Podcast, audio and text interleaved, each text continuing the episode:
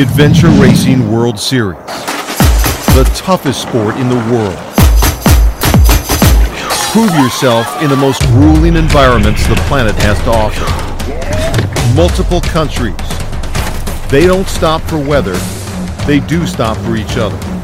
You can't finish alone. Immersed in the world's cultures mountains, oceans, deserts, rivers, jungles, kayaking, climbing, trekking, mountain biking, navigation, plus a few others. It is so much more than any sport there is. A race that never stops, never sleeps. It will keep going, even if you can't. Rest day, this is your rest. Every race delivered live to a virtual stadium of hundreds of thousands of dot watchers. Why the Adventure Racing World Series? Isn't it obvious? Dag en welkom bij de aflevering Run Forest Run op de koffie. En vandaag bij Wouter Dirk Huitzing, ook wel bekend als Wodi. Welkom. Dankjewel, ja, jij welkom. Ja, want we zitten nu in uh, Berkel en uh, Roden reizen we nooit. Woon je hier al, uh, woon je hier al je hele leven? Of, um... Nee, nee, ik ben geboren getogen in Gouda. In Gouda? Maar mijn grote liefde komt hier vandaan. Brigitte. Zij, zij, samen met haar heb jij ook een zoon sinds ja. vorig jaar, 2020? Aaron Castor Constantijn. En het grappige van, want we gaan het hebben zo meteen over um, adventure racing. Moest er ook voor jou iets van een A en een R in zitten? Of was dat niet meteen een doel? Nee, dat was zeker geen doel. Nee, dat is meer uh, kindernamen vinden. Dat is uh, niet zo makkelijk. Dus nee. uh, het is gewoon, we hebben geluk gehad een mooie naam gevonden. Nou, hartstikke mooi. Stoere naam ook. Dus we gaan ook kijken wat voor, op welke manier hij dan stoer zal zijn in de toekomst. Hè. Dat kun je op vele manieren zijn. Maar we gaan het hebben op ook hele stoere onderwerpen weer. En... Um, we gaan het met jou hebben over um, jouw adventure race ervaring, hè, de, de, loopbaan daarin eigenlijk, om uh, zo te noemen. Ja. En uh, de, de omslag of de overslag zeg maar, naar het uh, ultratrailen. Ja. En het is geweldig, want ik was op weg hier naartoe en ik had al een klein cv'tje van je gekregen deze week. En het was gewoon voor mij een soort snoepdoos om te kijken.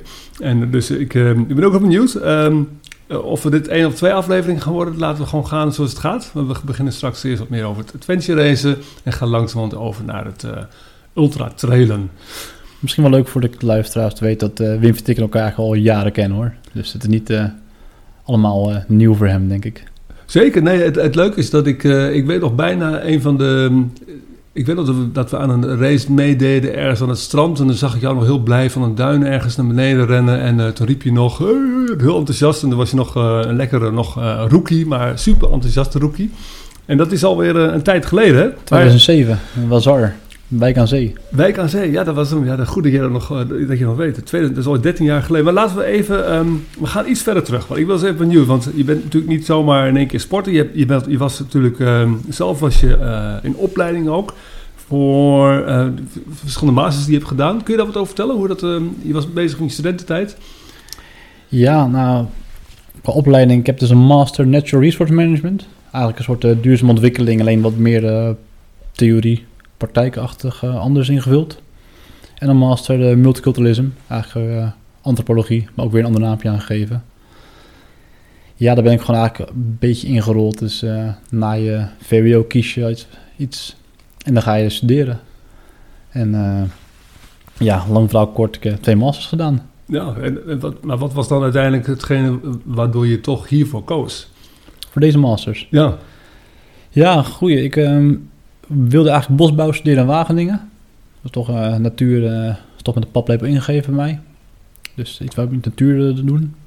En daar ben ik toen voor geweigerd dat eerste jaar, omdat ik geen biologie had gedaan had op VWO. En toen ben ik toch antropologie gaan doen in Leiden, mijn tweede keuze. En in dat jaar bleek dat ze de eisen aangepast hadden in Wageningen. Dus toch het jaar erop na een propteuze antropologie naar Wageningen gegaan. Drie jaar bosbouw gedaan. Heel veel plezier gehad, hele mooie omgeving, heel veel gesport ook. Echt uh, mijn buitensport ontdekt. Eigenlijk eerst een Leiden met gewoon sportklimmen. En toen in Wageningen eigenlijk is het overgaan naar de alpien klimmen. En ja, de Wageningse bossen en de uiterwaarden ontdekken. Met je fiets en hardlopen. Dat is natuurlijk heel anders dan de, waar ik vandaan kom. Gouda is gewoon een, ja, is niet zo buitensportgericht eigenlijk. Want, wat- want hoe, op welke manier was jij voordat je ging studeren in, met deze sport in aanmerking, aanraking kwam? Wat, wat, wat was dan jouw sport? eh? Ja, volgens mijn ouders was ik een eh, binnenkind tot 16, 17. Ik ben op 17 ben ik een keer in aanraking gekomen met een eh, vriend van mij van school met sportklimmen. En sindsdien gingen we één keer per maand eh, gingen naar Zoetermeer met de trein. Een hele reis vonden we dat nog. Om te gaan sportklimmen in Zoetermeer. En dat was één keer per maand en dat deden we dan eh, anderhalf jaar lang. En toen kwam ik natuurlijk in eh, Leiden opeens bij een Leidse Studenten Alpenclub. Dan ging echt een wereld voor me open. Wat er allemaal mogelijk is. En dan eh, begin je met klimmen, maar ja, er zit zoveel omheen. Want, jij, want dus, dus eigenlijk is er ook wel eh, hoop voor de ouders die zich zorgen maken over hun eh, kinderen die nog lang binnen zitten. Het kan ook totaal de andere kant op gaan. weer. Ja, ja nou, ik maak me een beetje druk natuurlijk nu ik zelf een zoontje heb over wat mijn zoon gaat doen. Maar dan hoor ik van andere mensen dat ze allemaal hun pubers aan het gamen zijn. En denk ik, ja, ik deed vroeger ook binnen spelen. Maar ik geef altijd gekscherend mijn ouders de schuld dat ik niet ge- aangemoedigd ben om te gaan buitensporten. Natuurlijk gouden is lastig, maar achteraf bleek er ook veldrijden te zijn. Wat ik al wel leuk gevonden had misschien. En op andere dingen in de buurt. Dus ik denk als je je zoontje gewoon goed aanmoedigt of je kinderen goed eh aanmoedigt de kansen geeft, dan hoop ik dat het eh, helemaal goed komt. Nou, dat ga, je, dat ga je vanzelf ervaren of dat zo is hè, en hoe dat dan gaat lopen en welke keuzes hij gaat maken natuurlijk. Ja, zeker. Hij mag kiezen wat hij zelf wil hoor. Maar ik zou het wel leuk vinden als hij qua adventure sporten en mijn voetsport reed.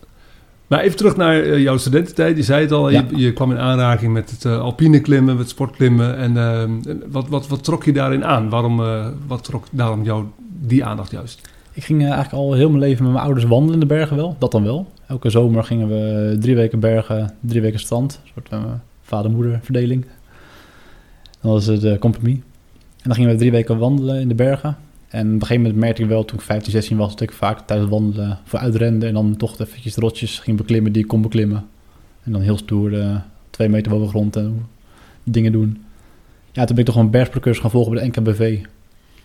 Ja, dan merk je gewoon dat eh, ja, de natuur je heel erg trekt. Dat wist ik al. Maar die bergen, ja, bergen blijf ik gewoon geweldig vinden. Gewoon mooi uitstraling, eh, grillig. Ja, de bergen blijven me trekken. Maar dat vond je toen ook als kind al? Ja, ja zeker. Het is gewoon heel mooi uitdagend. En eh, ja, klimmen was gewoon een heel stoere sport. Dus eh, waarom niet? En wat voor, wat, op welke manier ging jij dan eh, klimmen? Wat heb je, wat heb je gedaan? Nou, toen ik eh alpien ben gaan klimmen bij de bergsprovincie, ben ik gewoon echt cursus gaan volgen. En eh, met, ja, gingen we eigenlijk elke, bijna twee, drie keer per maand gingen we wel sportklimmen in België of Frankrijk. En dan in de zomer zat ik gewoon acht weken in mijn studententijd eigenlijk in de Alpen. En dan Zwitserland, Oostenrijk, alles af.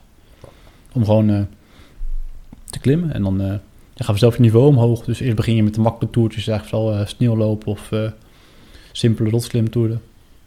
En dat gaat vanzelf naar van kwaad naar erger. Totdat je echt de moeilijke, de uitdagende dingen klimt. Waar dan echt wel veel bij komt kijken. Wat, wat, wat was voor jou dan op een gegeven moment echt uitdagend? Wat is voor jou moeilijk? Ja, ja, het is een tijdje geleden. Ik ben een tijdje eigenlijk gestopt met echt klimmen. Maar gewoon wel de, ja, de 90 graden ijsklimtochten van eh 200, 300 meter hoog. Of wanden van 700 meter de stijl omhoog. Of de combinatietocht. Dus eh, vroeg aanlopen en dan ijsklimmen, rotsklimmen en dan top op. En dan andere kant op, opzeilen. Dus ja, gewoon de, de moeilijkere gradaties van toeren. Dus eh, ja, ik heb wel een en ander geklommen wat wel weer pittig was. Maar ook eh, daardoor ervaringen gehad die je denkt, nou, die wel op kantje boord kunnen zijn. Dus op een gegeven moment eh, ga je toch nadenken over bepaalde dingen. Want dan, je, je kantje boord, zei je? Ja, je, je, een rots kan afbreken waar je aan hangt. Dat is ook wel eens gebeurd. En eh, ja, dan val je. En als je in touw zit, dan heb je geluk. En als je niet in touw zit, dan eh, hoop je dat je goed terecht komt. Dus, eh, en ja, ook kennis verloren in de bergen. En dan ga je toch nadenken over hoe, hoe en wat. Want je hebt kennis verloren ook waar je zelf bij was? Of, Nee, gelukkig niet. Dat heb ik gelukkig altijd niet mee, nooit mee hoeven te maken. Daar ben ik heel blij om. Maar ja, je hoort de verhalen, dan eh, kom je terug van een, eh, van een eh, trip of van een week. En dan hoor je dat iemand toch ja, gevallen is. Dus dat is wel pijnlijk en confronterend. Het is een hele mooie sport, maar bij voetbal, als het iets misgaat, dan lig je op het veld met een gebroken enkel of een scheenbeen of wat er ook gebeurt. Maar als je bij klimmen valt, dan, of je afbreekt of een lawine, dan gaat het vaak goed mis. Dus ja, dat is gewoon de keerzijde. En die op een gegeven moment was het, werd dat te veel. En wat, merkte je dan bij jezelf dat het te veel werd voor jou? Nou, gewoon ook je wederhelft. Eh, Brigitte vond het natuurlijk heel spannend. En eh, ja, je gaat gewoon nadenken over dingen van... Hey, je wil ik hier mee doorgaan? Heb ik dit ervoor over? kan ik deze... eh, en je doet het natuurlijk voor jezelf, voor je plezier. Kijk, eh, bergsport, eh, er is geen geld te verdienen. Als voetbal of eh, tennis of wat dan ook. En ja, je gaat nog nadenken, wat wil je nog later doen? En ik wil gewoon van de natuur genieten. En dat kan op heel veel manieren. En ik merk nu ook in het dagelijks leven of in mijn sportleven dat ik gewoon niet alles kan doen wat ik wil. Dus dan ga je toch keuzes maken en dan heb je toch afwegingen. En bergsport, de afwegingen werd op een gegeven moment... eh, werd het niet meer. Maar, maar het is ook, ook, dat is niet iets wat je van de een op de andere dag doet, lijkt mij. Nee, zeker niet. Nee, ik, ik, wat ook gewoon ervaarde, op een gegeven moment ging ik dan eh, acht, negen dagen naar Chamonix. En ik kwam op een niveau te klimmen waar eh, alle factoren goed moeten zijn. Kijk, als je op een laag niveau klimt, dan kan je wel een keer met eh, warme, warme temperatuur dat sneeuw smelt, is niet heel erg. Of als je een keer een eh, stukje rots bleek verdwenen te zijn. Want natuurlijk nu eh, met de permafrost die smelt, vallen gewoon rotsen ook van de berg af. Dus bepaalde dingen gewoon veranderen constant. Maar kwam op een gegeven bepaald niveau uit. Waarbij, ja, dan klom je, had je alles voorbereid, dan klom je vijf lengtes ijs. En dan kwam kwam je de volgende ijslengte, ontbrak gewoon twee meter ijs. Ja, dan zet je een 90 graden steile wand voor je, met je ijsbijlen en je, en je stijgijzers. En dan kom je gewoon niet verder. En zodoende bleven elke keer dan, ja, de factoren tegen zitten. Dan kwam ik gewoon thuis van negen dagen klimmen, op negen dagen Frankrijk. En had ik één dag echt geklommen. En dan verder de andere dagen had ik aangelopen, had ik eh, dingen voorbereid, had ik dingen geprobeerd. Of twee lengtes klommen van een, eh, van een eh, rots. Ja, dat viel gewoon echt tegen. Dus op een gegeven moment dacht ik, ja, ik kan mijn tijd beter gebruiken voor andere dingen. En toch zit je ook in een soort van eh, community. Je hebt Zeker. eh, eh, vrienden, dus het is ook iets... je neemt alleen maar afscheid van een sport... maar ook van een bepaalde groep mensen... waar je veel mee hebt beleefd, toch? Ja, maar ook niet helemaal. Want ik merk zeker, de, wat we het even over hebben over adventure racen. Veel van mijn alpine vriendjes deden ook aan het adventure racen. Dus die kwam je gewoon daar weer tegen. En sommige mensen, nou, daar neem je afstand van, nou, daar heb je gelijk in. Dat gaat gewoon ook geleidelijk, gewoon heel natuurlijk. Je hebt ook als... eh, je hebt ook mensen begeleid ook, hè? De Kilimanjaro op. Ja. En dat had, wat, dat had daarmee direct mee te maken? Nee, Kilimanjaro is eigenlijk gewoon een wandelberg. En dat was eigenlijk gewoon puur voor de fun. Ik wou hem zelf een keer beklimmen, maar ik vond het te duur. En toen, eh, ik deed ervoor al, gaf ik al klimcursus en NKBV. En zodoende ben ik in contact gekomen met iemand die eh Kilimanjaro reis begeleidt. begeleidt. En toen zei ik, ja, dat wil ik ook wel een keer doen.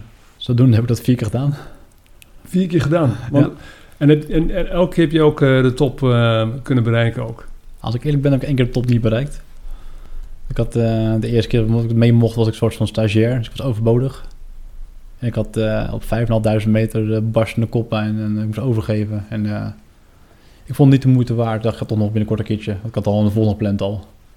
Dus toen ik overleg met de tourleider. Heb ik gezegd van, nou, dan ga ik nu omdraaien.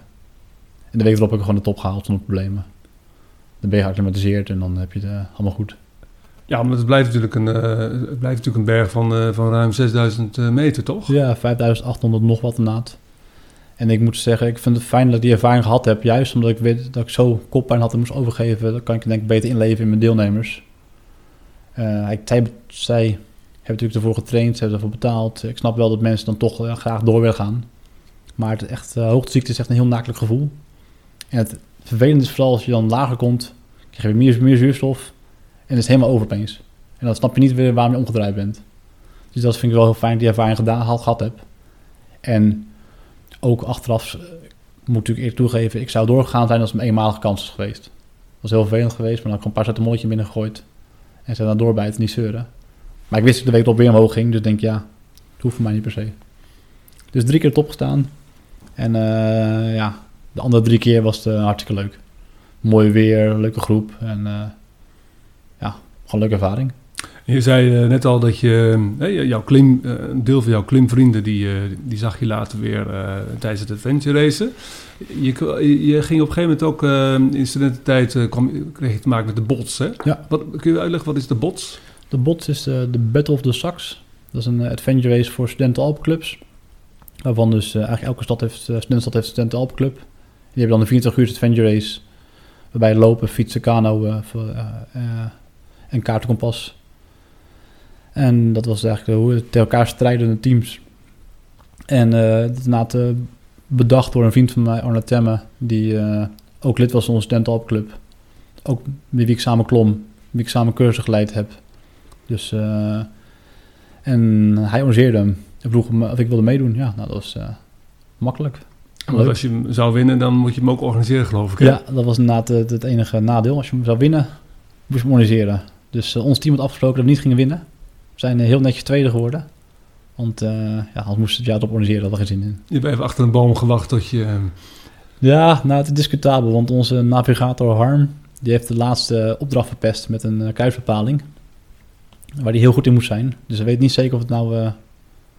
eh weet nog steeds niet zeker hij, eh, of het echt of niet echt eh, goed gegaan is. het lag aan de arm. Dat sowieso. Dat is wel eh, leuk om eh, later even op terug te gaan over eh, hè, hoe, hoe het werkt met, eh, in een team. Hè. Dat is toch heel wat anders dan weer het ultratrailen. Ja, hè. zeker. De dynamiek eh, tussen mensen en eh, de kwaliteiten die, die nodig zijn. Ehm, maar, je, maar misschien even heel goed, zou je even voor de luisteraar willen uitleggen in jouw woorden wat nou een adventure race is? Want we gaan er wel stappen daar mooi op in, maar veel Ja. mensen weten dat niet eens. Hè? Het Adventure Race is eigenlijk een eh, multidisciplinaire buitensport. Waar eh, lopen, fietsen en kanoën echt centraal staat. En dan heb je eh, vaak nog andere onderdelen bij. In Nederland vaak toch steppen of kickbiken noemen ze dat. En eigenlijk moet je dan van A naar B naar C naar D navigeren met kaart en kompas. GPS is verboden.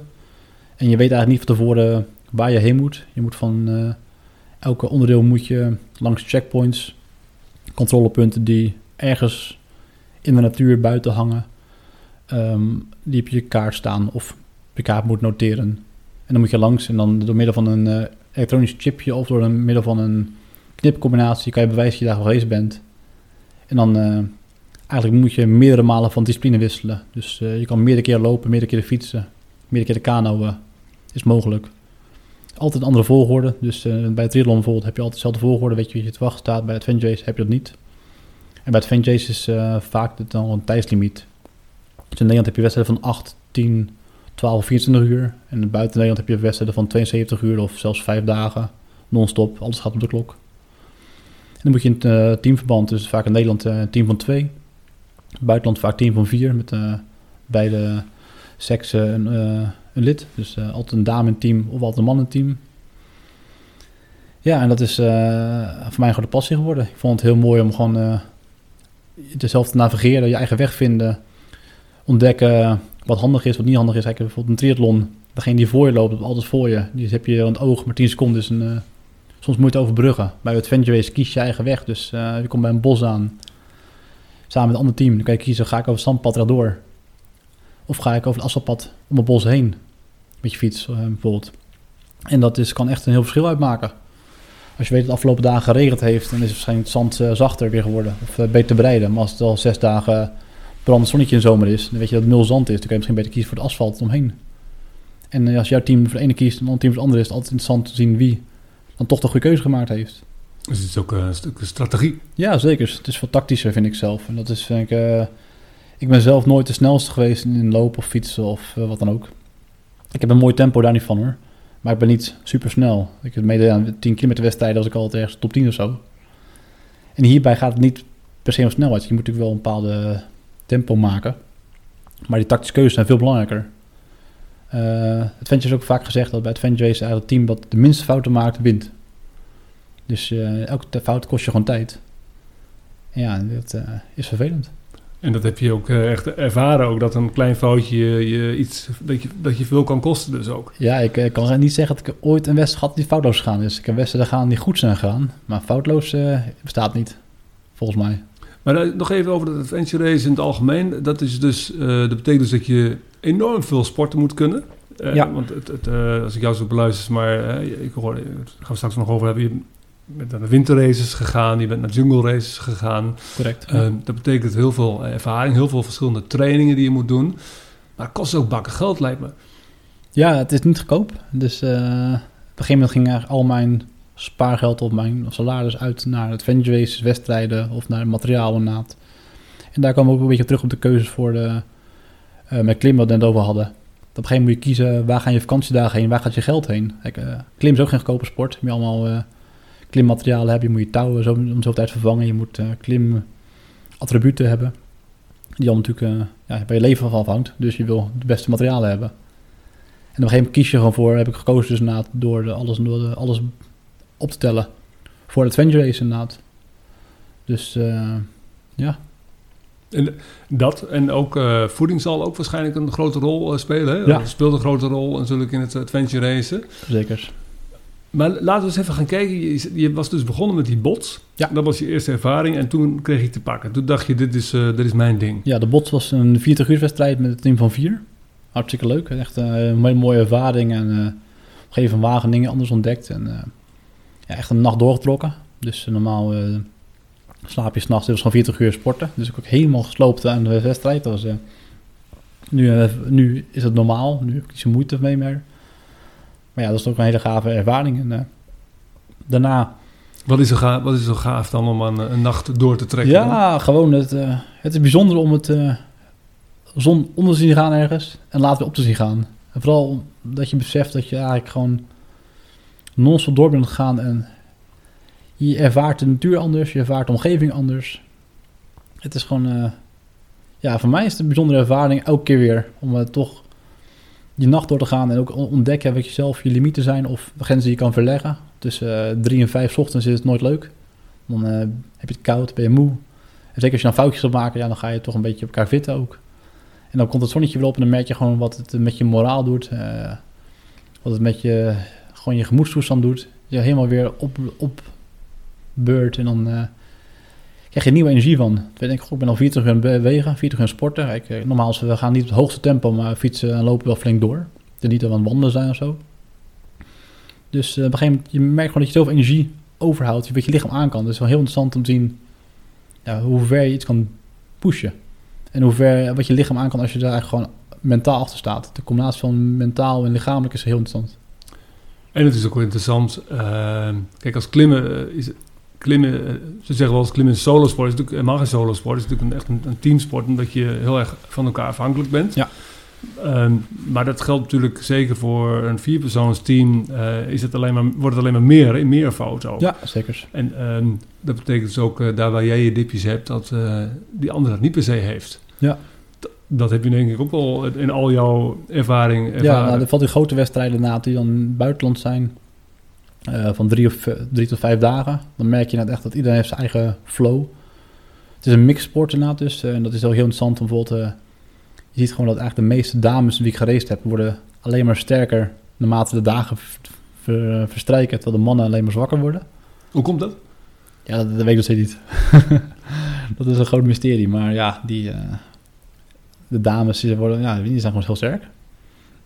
Ik denk dat mannen toch misschien te veel, te snel weg willen. En daardoor misschien eh, hun dames afmatten of hunzelf afmatten. Dat die dames dan gewoon een beetje zich eh, opstellen van ontspannen. En eh, ja, op een gegeven moment als weer de tempo daalt, dus daar gewoon in een flow komen. En wat is jouw flow? Ja, dat is elke keer anders. Ik had vroeger heel veel moeite met nacht, nachtelijke kano-etappes. Viel ik altijd in slaap. En nu is het eigenlijk geen probleem meer. Ja, het is gewoon... als je gewoon lekker bezig bent... Met een mooie omgeving vooral... Is het heel inspirerend.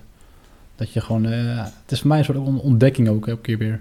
Daarom vind ik het leuk om in het buitenland te racen. Dat je, racen, dat je elke keer eh, gewoon in andere landen komt... Waar je de natuur op een hele bijzondere manier ontdekt. En het land op een bijzondere manier ontdekt. Als je een week lang in eh, China zit... Of in Turkije... En dan waarvan je vijf dagen non-stop race. Dan zie je voor mijn gevoel veel meer dan als je ergens vijf dagen te huisje overdag eigenlijk rondkijkt. Nog even over die samenstelling die Ja. In jouw in de adventure race sport eh, eh, ehm, mannen te over bijna zou je zeggen, vrouwen tekort hè? Correct. Is dat, kun je verklaren waar dat aan te wijten is? Want er zijn natuurlijk genoeg eh, goede vrouwelijke, vrouwelijke sporters. Ja, nou, het is natuurlijk ook eh, onbekend, maar het onbemind. Adventure race is gewoon een hele kleine sport, ook in Nederland. Ik denk als wij eh 200 man hebben, of, en vrouwen die in Nederland zeggen dat ze adventure racer zijn... en dat regelmatig beoefenen, kunnen ons gelukkig prijzen. Terwijl bijvoorbeeld in Zweden of in Nieuw-Zeeland of in Frankrijk... het echt een, gewoon een grote bekende sport is. Ehm, dus ja, praat je met mensen over onze sport. En dat is wel interessant, klinkt leuk... Maar het is gewoon ook instappen lastig. Wat je zelf zegt, je moet eh, verschillende materialen hebben. En gelukkig in Nederland kun je vaak, krijg je eigenlijk altijd een kano van de organisatie. Maar in het buitenland moet je ook soms je eigen spullen regelen. En je moet ook een mountainbike hebben. Dus de, de instap is relatief hoog voor mensen. En mensen zijn toch spannend dat het geen vast parcours is. Eh, ik heb van teams gehoord die de eerste keer meededen die gewoon eh, compleet verdwaald zijn. Die dan twee uur later over de finish komen en dan eh, eigenlijk niks gedaan hebben. Ja, wel wat gedaan hebben, maar geen checkpoints gevonden hebben. Dus je moet kunnen kaart lezen. Zeker in deze digitale tijd. Iedereen heeft nu een Google Maps op telefoon staan. Iedereen gebruikt TomTom. Kaart lezen is ook gewoon een, een tak van sport. Die echt een belangrijke discipline is in adventure race. Want zonder kaart lezen maak, kom je gewoon niet. Dan kan je nog zo snel rennen. En ja, dat moet je gewoon ook eh, kunnen. Heb je, heb, heb je dat, heb, je dat, heb je dat kaartlezen, dat oriënteren ook eh, in de, ba- de basis gelegd toen je ging, ging bergwandelen met je ouders? Ja, ik denk het wel. Ik ben ook gewoon, in die zin, vind ik zelf gezegend met een heel goed geheugen voor locaties en voor kaarten. Ehm, ik vind kaart gewoon altijd fascinerend nog steeds. Gewoon, ik vind het altijd leuk om een kaart van een gebied te zien. Ik ben gewoon altijd met kaarten bezig geweest. Dat ik ook een belangrijke vereiste voor een goede adventure racer. Of voor een, een van je team geloof ik in ieder geval. Dat je eh, iemand goed kan kaart lezen en ook echt mee bezig is. Maar kaartlezen kost... Aan de ene kant is het natuurlijk het voordeel van als je de navigator bent van een team... is dat je lekker bezig bent. Je hebt een doel. Hè? Dat leidt je af ook van zaken als pijn of slaap. Maar het kost ook heel veel energie natuurlijk. Dus hoe doe je dat in het team? Heb je dan heb je meerdere navigators in, in jouw geval? Of heb je een hoofdnavigator? Hoe werkt dat? Ja, het is natuurlijk een heel verschil weer ook weer waar race je en hoe lang race je. Na het, eh, tot 24 uur kan je prima eigenlijk zelf navigeren. Maar de grote wedstrijden doen we vaak na het eh, afwisselen. En eh, soms ben je gewoon gezegend met een navigator die zo goed is dat je het eigenlijk niet hoeft over te nemen. En die het urenlang, dagenlang kan vol gaan houden. Laten we eens even teruggaan na- naar die... je hebt die bots gedaan en toen al vrij snel daarna in 2006 eh, ging je meteen al eigenlijk naar het buitenland. Je ging naar Polen toe. Ja, Wat, is, eh, wat was dat voor race? Polen was een eh, winterrace, de enige die ik ooit gedaan heb. Eh, de Bergson Speed Race. 26 uur door Polen in februari of maart. Door sneeuwgebieden, door heuvels racen. Ja, een hele, hele bijzondere race. Het leuke was dat, ja, dat ook was Winfiet. Er waren toen vier Nederlandse teams aanwezig. Dat was super gaaf. Dat was mijn derde, eigenlijk mijn tweede echte adventure race. En dan mijn derde race met de bots erbij. En ik ging samen met Harm, die we al eerder benoemd hebben, die kant op. En ja, Harm was een hele ervaren racer. Een hele goede racer ook. eh ook in het Nederlandse circuit. Een alleen geen maatje. En het eh, toeval wilde dat Harm dat met mijn docent was. En we hadden al een keer samen geraced. Dus eigenlijk onder de les kwamen we te sprake van heel tof. En eigenlijk hebben we heel snel de besloten toch die kant te gaan samen. En hoe, hoe was dat om in... want dan stap je in één keer vanuit Nederland. Dan kom je in het, eh, het harde winterse Polen. Hè? Toen de winters nog echt hard waren, mag je wel zeggen. Zeker. Wat is dat? Dan kom je in één keer in een heel andere eh, scene. Het is een internationalere scene. Ja, het was echt een, eh, zeg je dat, eh, compleet andere wereld. De eerste, de eerste etappe was al sneeuwschoenwandelen. Nou, eh, ik weet niet hoe jullie erin stonden, maar wij waren, hadden die dingen gehuurd daar, we hadden vijf opgestaan. Ik denk, nou, het zal wel. Ik had nooit sneeuwschoenen aangehad. En dan gaat de start zijn, dan loop je nog door het dorp heen en dan kom je in de bergen waar je sneeuwschoenen aangaan. En we hadden best doorgelopen, blijkbaar de eerste etappe nog, dus we, of een stukje, dus we liepen nog halverwege. En toen opeens op de sneeuwschoenen, ja, dan valt tempo eruit. En toen kwamen er gewoon mensen voorbij gerend op sneeuwschoenen. Dat blijkbaar heb je hardloop sneeuwschoenen, andere modelletjes. Ja, dat was gewoon bizar. En we gingen gelijk de nacht in, dus ja, dan heb je... ik geloof dat die nacht eh, op de heuvel min 17 was. Ik weet niet of jij dat nog weet. En eh, je zag door de, de bomen, zag je over lampjes lopen door de heuvels. Ja, super eh, indrukwekkend. Maar ja, daar kwam ik wel voor, voor een echt avontuur. En dat was het ook zeker. Want die eh, bergzon die eh, begint dus op, eh, op tien uur s avonds. Hè. Die gaat dan twee nachten door. Ja. Dus je, je, je, begint dan meteen met een achterstand. Hè. Je, of het, is meteen zwaar, je slaat dan meteen een nacht over. Ja, Hè? ja, zeker. En je hebt die nacht zelf ook niet. Je bent de hele dag een beetje te voorbereiden met dingen. Je bent materiaal heen en weer schuiven. Je moet incijfen, je moet je kaarten ontvangen. En je nacht, de dag heb je ook geen rust. En hoe verschillend was dat dan eh, voor jou eh, qua, qua navigeren of qua, qua fysiek eh, vergeleken met het race in Nederland? Nou, qua navigeren was heel simpel. Ik liep achter Harm aan. Die had de kaart in de handen. Ja, en fysiek is natuurlijk heel anders dan Nederland. Het is gewoon niet te vergelijken. Alle, eigenlijk alle wedstrijden in Nederland zijn in de, voorjaar tot en met het najaar. In de winter doen we eigenlijk niks in Nederland. En ja, daar was gewoon natuurlijk een, volle winterrace. We hadden gewoon sneeuw tot de knieën. Sneeuw, fietsen in de sneeuw tot je halverwege je wiel. Ja, je- 26 uur is gewoon lang. Je kan nergens rust houden. In Nederland, als je een keer moe bent, dan ga je even stop je of je gaat zitten. Maar als je min 17 is, ja, dan kan je niet stoppen. Dan moet je gewoon blijven bewegen om warm te blijven. Dus zoals je dan even de weg kwijt bent of je moet kaart lezen s'nachts, ja, dan, is het, eh, dan ga je sta je stil en dan hakt het er gewoon in. Dat, dat merk je meteen, Ja. dat het erin hakt. Ja, ja, zeker. En ook, ik heb natuurlijk eh, één keer 24 uur gereisd, één keer ervoor 8 uur gereisd. En de tweede nacht is gewoon, eh, ja, het is een eh, compleet nieuwe wereld voor je weer. Dus eh Harm eh, ging er goed doorheen. Maar ik had dan mijn eerste sleepmonsters, dus mijn echte hallucinaties. Sleepmonsters, dat zijn, de- is de term voor de dingen die je ziet die er niet zijn Ja. door ja, je ja. slaaptekort. Ja, sla klopt. Wat, wat, wat, weet je nog, dat waren jouw eerste sleepmonsters. Wat, Ja, ik heb er twee eh, hele belangrijke gehad daar. Eentje was dat eh ik zag lopende kerstbomen, verlichte kerstbomen met kerstballen. En dan denk je, ja, het zal wel niet waar zijn, maar ik ben nooit eerder in Polen geweest. En zeker niet s'nachts in het bos, dus misschien dat het wel zo is. Ze ontdekken nog steeds dagelijks eh, nieuwe diersoorten. Maar ja, als je dan de zoveelste sneeuw, sneeuwboom voorbij, voorbij ziet lopen, denk je, ja, dit kan niet waar zijn. En toen op dat moment had ik het gevoel dat eh, Harm een beetje teleurgesteld in mij was. Want eh, ja, was natuurlijk mijn derde race pas. En op een gegeven moment zag ik overal, terwijl Harm voor me liep, boze Harms om me heen. Achter de boom vandaan komen. Die me boos aankeken. Dus dat was wel eh, confronterend. ja, dus het, het is, eigenlijk is het meteen een soort weerspiegeling van eh, misschien wel je angst op dat moment. Of je Ja, zorg. ik denk zo dat je... Dat, dat je, eh, je bent sowieso heel erg met jezelf, met jezelf bezig, met je gedachten bezig s'nachts. Kijk, eh 36 uur sporten samen is leuk, maar je weet zelf ook wel als je op een gegeven moment iemand 12 uur in een ruimte bent, dat je ook klaar uitgepraat bent. Dus 36 uur op elkaars lip of 72 uur of 5 dagen zelfs. Op een gegeven moment is er geen gesprekstof meer in je team. Dus dan, moet je toch, dan ga je toch in jezelf keren. Je bent een team, maar ook weer toch helemaal met jezelf bezig. Ja, ja, dus het, het zijn eigenlijk eh, toch eh, vier of twee individuen bij elkaar voor een deel van de ja, tijd. voor een deel wel. Dus nachts is het gewoon heel zwaar en het is eh, mentaal gewoon heftig. En dan ga je toch zeg, in jezelf keren. En dan ga je natuurlijk dingen buiten afleiding zoeken.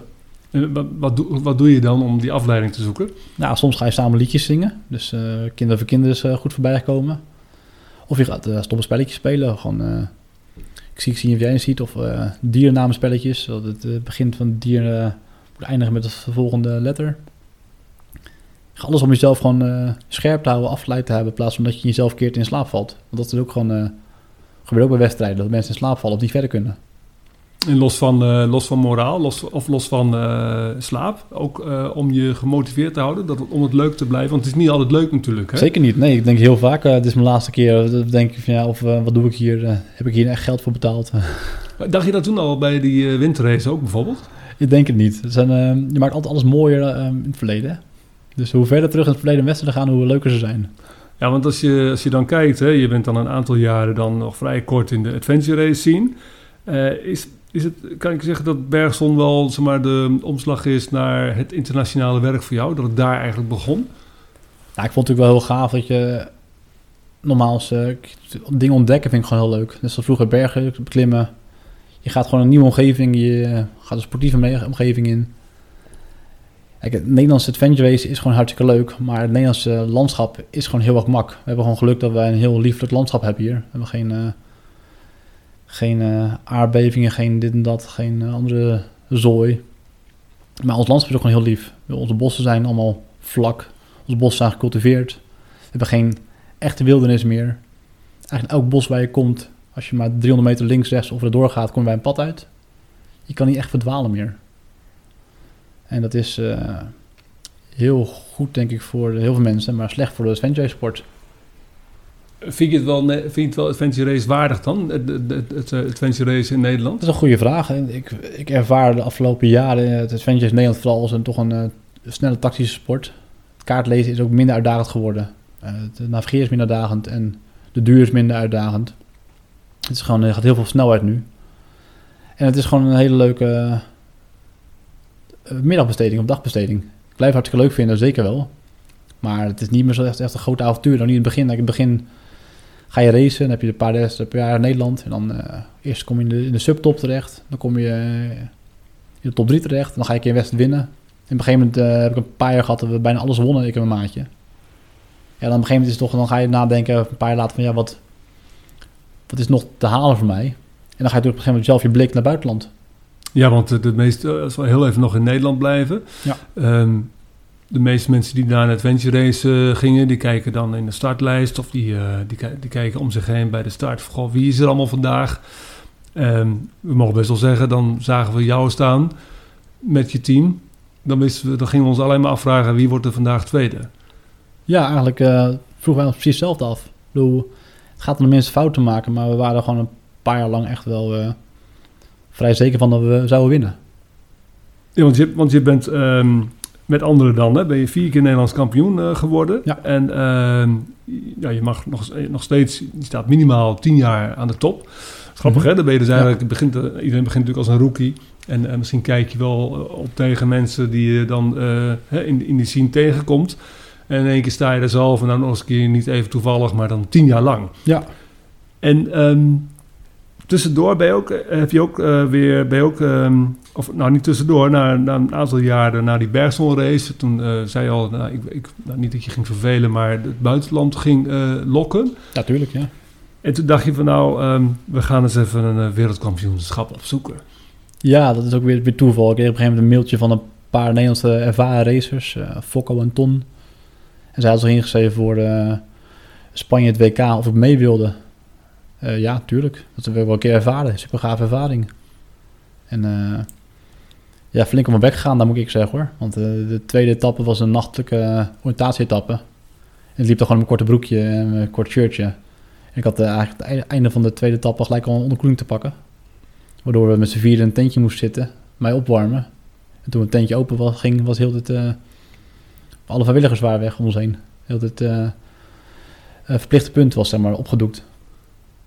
En dat, Ja. was, dat was bij, en dat was in Spanje. Had je, had, je, had je het onderschat? Dacht je Spanje leuk, gezellig, warm? Ja, ah, dat, eigenlijk kan je het wel zeggen inderdaad. Natuurlijk, eh, het tempo is anders, je, je gaat eh, minder snel, dus je blijft minder warm. Dus eh, vanaf daar, daarna was het een soort inhaalrace. En ja, en dan zie je opeens dat je als Nederlands team eigenlijk niet zoveel voorstelt. Ik bedoel, je moet bergop, bergaf. Ja, de hoogtemeters gaan wel in je benen zitten. En heb je het niet getraind. Je fietsen, bergop, bergaf, ja, dat is ook zwaar. En dan is het eh, dag 1, dag 2, dag 3, dag 4. Ja, op een gegeven moment... eh dat het in Badje, was dat in Spanje was opgezet dat je, je fietste ergens heen. En dan had je daar een soort van loopje. Dus dan moest je of lopen of kanoën. En eh, op een gegeven moment was de afspraak als je, of de, wet, de regelgeving was, als je na 24 uur na het eerste team binnenkwam daar, moest je gelijk door naar het volgende punt. Dus op een gegeven moment hebben wij eigenlijk een half west alleen maar gefietst. We hebben gewoon twee dagen alleen maar gefietst, want toen kwamen we bij het volgende punt aan, waar het volgende loopje was. Ja, dan waren we dan eh 25 uur achter Team Silva, op dat moment een van de topteams. Ja, dan mochten we door naar het volgende punt fietsen. Dan kwamen we daaraan, was het 20,5 uur, dan moest één loopje lopen. Dan mochten we weer fietsen. En dan was het weer 25 uur achter het team. Dus op een gegeven moment hebben we... Wat, wat gebeurt er dan in zo'n team op, op zo'n moment? Want het is natuurlijk best wel, eh, je verheugt je ook wel op even gewoon normaal te kunnen lopen of een andere etappe te kunnen doen. Ik weet het niet meer, moet ik zeggen. We zeggen, alles in het verleden wordt mooier. En ik heb het gewoon voor mij nog steeds als een groot feest ervaren... omdat ik gewoon eh, bij een WK was. Eh, ik vond het heel tof om gewoon het te ervaren het buitenland te racen. was mijn eerste ja, grote expeditierace. Vijf dagen lang eh, buiten. En Spanje is hartstikke mooi. En eh, na de eerste dag werd het, alleen, werd niet meer koud, werd niet meer nat. Dus je hebt gewoon eh, hele gave ervaringen. En dan eh, ja, buiten, buiten slapen, plekken onderzoeken en dingen ervaren. ja, het was gewoon een, eigenlijk gewoon voor mij gevoel één groot feestje. Achteraf. En zijn je wel gefinished? Ja, soort van. soort van. Ja, we zijn... ehm, de laatste dag zijn we, hadden we een eh, kano herstart. Want we hadden een dark zone, we mochten niet kano met heel veel teams. Dus we hebben de laatste dag hebben we alleen op een... eh, vanaf 7 uur ochtends tot en met 6 uur 's avonds hebben we op een rivier gezeten. En toen kwamen we aan in de, in de stad waar we zouden finishen. En dan hadden we nog één uur om een paar checkpoints te pakken in de stad bij eh, markante punten. Dus een, een kathedraal, een standbeeld, dat soort dingen. En toen zijn we 1 voor 7 gefinished op het eh, plein. Ja, hebben natuurlijk heel veel etappes overgeslagen ondertussen al. Dus eh, wat kan je dan echt finish noemen dan nog? En eh, de organisatie was wel klaar mee. Dus ze hadden de, finishboog al weggehaald. En de champagneflessen waren opgeborgen al. Dus ik had wel een beetje teleurgesteld daar. En ik had echt zo'n beeld van... Altijd had ik, filmpjes gekeken van wedstrijden. Dat je dan met je champagnefles staat te spuiten over je teamleden heen. Elk team was een winnaar, zei ze altijd. Maar op dat moment waren wij een soort van... voor mij een... ja... Aftertat. Dus weet je, we waren meer van ja... Ze moesten even wachten nog, maar toen wij binnenkwamen stond de, de draaiende motor al klaar met de bus. Van nee, dankjewel, gefinished, doei. Het, het, voelde ook wel echt als een teleurstelling. Ja, een beetje wel. Ik was heel blij, heel trots dat ik gefinished was. Na vijf dagen buitensporten, bewegen. Heb ik vijf dagen echt, je kon er niet binnen, nergens. Je bent gewoon vijf dagen alleen met de natuur bezig of buiten. Maar het idee dat je dan een soort van eh afgewimpeld werd, was wel een beetje jammer, de finish. Maar je zegt dan net al, hè, eh, twaalf uur lang met iemand in een kamer zitten, dat eh, gaat op een gegeven moment mee ook uitgepraat, zei je. Ja. Ehm, nu ben je vier, vijf dagen onderweg met elkaar. Moet, moet, het moet ook maar even klikken. Hè? Want je bent gevraagd natuurlijk door mensen. Misschien ken je ze al niet zo, allemaal heel erg goed. Hoe, hoe gaat dat dan? Wat voor proces speelt zich af in zo'n team? Nou, leuk dat je dat zegt. Ja, in Spanje ging het allemaal heel goed voor mijn gevoel. We wisten allemaal een beetje waar we aan begonnen. En we hadden allemaal een beetje van, nou, eh moet gewoon eh, leuk blijven. Lekker een leuk dagje weg. Maar ik heb wel later in, in 2016 volgens mij, of eh, in Afrika, echt een hele grote aanvaring gehad met een, met een eh, ander teamlid. Op het punt dat we het echt moesten uitpraten, dan zouden we allebei uit de wedstrijd stappen. En dat was eh, op een gegeven moment dacht ik, ja, nou dan ga ik toch mijn, slik ik maar mijn tot, trots in. Ik wil liever gewoon finishen dan dat ik hier eh halverwege wedstrijd uit moet stappen. Want wat, wat, was dat dan ook een realistische ruzie? Of was dat ingegeven door juist die vermoeidheid? Of was het anders ook wel een ruzie geweest? Ja, ik spreek hem nog wel nog deze wedstrijden. Ik denk dat we niet samen moeten racen meer. Ehm, ik denk beide. Ik, eh, je, wordt, je wordt niet rationeler, je wordt niet verstandiger als je niet slaapt. Dus eh, alles wordt erger, alles wordt eh, vervelender. Maar ik denk dat wij gewoon niet samen echt ehm, door in een team passen. Zo'n team is dus eigenlijk wel eh, mo- mooi voer voor eh, psychologen. toch? Zeker, ja, Want, ja. want in, in, in een snelkookpan zie je dus eh tien processen. Hè? Dus je ziet eh, de kwaliteiten van mensen, maar je ziet ook eh, de valkuilen en de, de, de, de, de, tegen, de andere kanten van de, de kwaliteiten. Ja. Wat, wa- wat was jouw, eh, vooral jouw kwaliteit zeg maar, in het team? Wat, wat bracht jij op dat moment in zo'n team? Of wat breng jij in zo'n team? Ja, dat is een goede vraag. Ik, ehm, we hebben een tijd lang hebben een Nederlands team gehad met wie we buitenlandse races eh, aangingen. Eh, dat is eigenlijk eh, op een gegeven moment komt het voort uit mijn ambitie om toch echt te gaan racen in het buitenland. En mijn toenmalige teammaatje had er niet zo heel veel zin in, Nederlands teammaatje. Ondanks dat we alles veel wonnen in Nederland, zag hij toch het buitenland zitten. Ja, om wat voor reden dan ook. Dus ben ik toch verder gaan kijken binnen Nederlandse eh, mensen of die interesse hadden. En uiteindelijk hebben we team gevoerd voor een Dutch Adventure. En daarmee hebben we echt, eh, het doel was ook inderdaad de buitenlands West aangaan. Deden we twee, drie per jaar, gingen we dan wedstrijden aan van drie, vier dagen. En daar, ja, op dat moment bracht ik wel toch de, de, ambitie. Ik bracht ook de, de drijvende factor. Ik eh, kwam vaak met wedstrijden aan of mensen mee wilden. En ik was ook vaak wel ja, toch wel de, de hoofdnavigator zou je kunnen zeggen. We verdeelden het wel, want het is, eh, iedereen vindt het navigeren leuk. In ieder geval een groot deel van het team vond navigeren leuk, dus we verdeelden het echt wel. Maar ik denk dat ik daar daardoor de hoofdnavigator was. Terwijl ik nu vaak zie in mijn buitenlands teams, waar ik, meer, eh, ik ben nu in een buitenlands team. Daar ben ik toch vaak meer, eh, ja, heel simpel gezegd, de, de pak ezel of de backup. Of, eh, De mule. ja, ja, dat is het uh, mooie, Engels naad. Eh, ik navigeer niet vaak meer in het buitenland en dat heb ik ook gewoon eh, geaccepteerd. Ik ben... eh, Dus van God ga je op een gegeven moment naar bediende. Of Ja, ja, misschien wel, ja. Het is inderdaad, eh, de afspraak was dat in het team van de navigator heeft gelijk. Je gaat niet met de navigator in discussie, je volgt hem. Anders heb je gewoon geen team. eh, ook al maakt de navigator een fout, nog een fout, nog een fout. Je moet hem blijven vertrouwen. Anders, eh, Maar het is best, dat lijkt me best wel. Ik, kom- ik kom nog even terug op jouw rol. eh, maar dat lijkt best wel een omslag. Als je ehm, altijd de hoofdnavigator bent geweest. Dan, dat voel je ook heel erg verantwoordelijk voor je team. ja, zeker. Eh, Je bepaalt heel veel natuurlijk over het verloop van zo'n wedstrijd. Zowel ten goede als ten minder goede. Mhm. En in één keer eh, moet je die rol ook afstaan. Is dat Ja. ook iets wat je ehm, niet in één keer gaat? Wat je, dat, lijkt, dat lijkt mij ook een proces. Ja, nou, wat volgens je zegt, nou, we het net over hadden, de jongen met wie ik botste. Daar we afgesproken, was een Ier. En daar hadden we afgesproken van we verdelen de navigatie. En dat was dan natuurlijk afgesproken via Skype en zo. En dan zag ik, kon ik eh, het echt zien. En, dan, daar merkte ik al heel vrij snel dat eh, de etappes die ik navigeerde, ging hij me controleren. Dus dan zei hij, "Waar- stop, stop, stop. En dan gingen we even stoppen en dan wou hij meekijken. En dat merkte ik gewoon, dat vertrouwen was het niet. En dat de etappes die hij navigeerde, ik zijn gang gaan. En dan maakte hij een fout, ja, dan is, het gewoon zo. Ik had geleerd van, je je navigator vertrouwen. En dat, dat botste op een gegeven moment heel erg. En helaas hebben we Dutch Venture hebben we regelmatig een wedstrijd niet gefinished. Of niet uitgelopen, of niet full course uitgelopen. Dus niet uh, heel programma afgelopen behandeld. En dat stond op een gegeven moment heel erg tegen. Net zoals met klimmen was ik op een gegeven moment teleurgesteld dat ik niet uh, na acht dagen klimmen maar één tocht gedaan had. En met Venjays, dan ben je erheen geleefd, je hebt getraind, je hebt je materiaal orde gebracht. Je hebt je fiets nog een keer op de fietsenmaker gebracht. Alles is helemaal piekfijn. En op dag drie, wat voor reden ook, stopt je een teammaatje ermee of een onderdeel stopt ermee. En ja, je ligt soort van uit de wedstrijd. En op een gegeven moment had ik wel geaccepteerd van, als ik verder wil in deze sport en ambities verhalen, dan moet ik ook gewoon uh, concessie doen. Ja, dan uh, kwam ik bij een buitenlands team terecht en die hadden gewoon een goede navigator. Maar als er dan zocht nog een vierde man. Ja, dan kan je zeggen, ja, ik wil niet. Maar als je dan wel opeens eh, mooie resultaten haalt en wel full course en alles doet en ook een beetje meedoet met de betere teams, ja, dan is dat wel eh, iets wat ik wel wilde inleveren, die concessie. En wat vond dan het, het Nederlands team daarvan? Want in feite, om, ehm, je hebt een team op dat met elkaar. Je hebt ook wel bepaalde eh, doelen gesteld. Nou, dat valt er gelukkig mee, want we lagen eigenlijk al een beetje uit elkaar al. Op een gegeven moment was het gewoon eh, ook natuurlijk. eh, mensen gingen stoppen, om wat voor reden dan ook. Niet per se omdat het, eh, ja, ieder zijn eigen reden heeft. Een paar jaar is leuk geweest. hier kwam geloof ik een kind en daar kwam dat. je had een nieuwe baan of gewoon geen zin meer. Of gewoon toch niet meer de motivatie en het financieel wil opbrengen. Want wat je zelf aangaf begin al, het is niet goedkoop.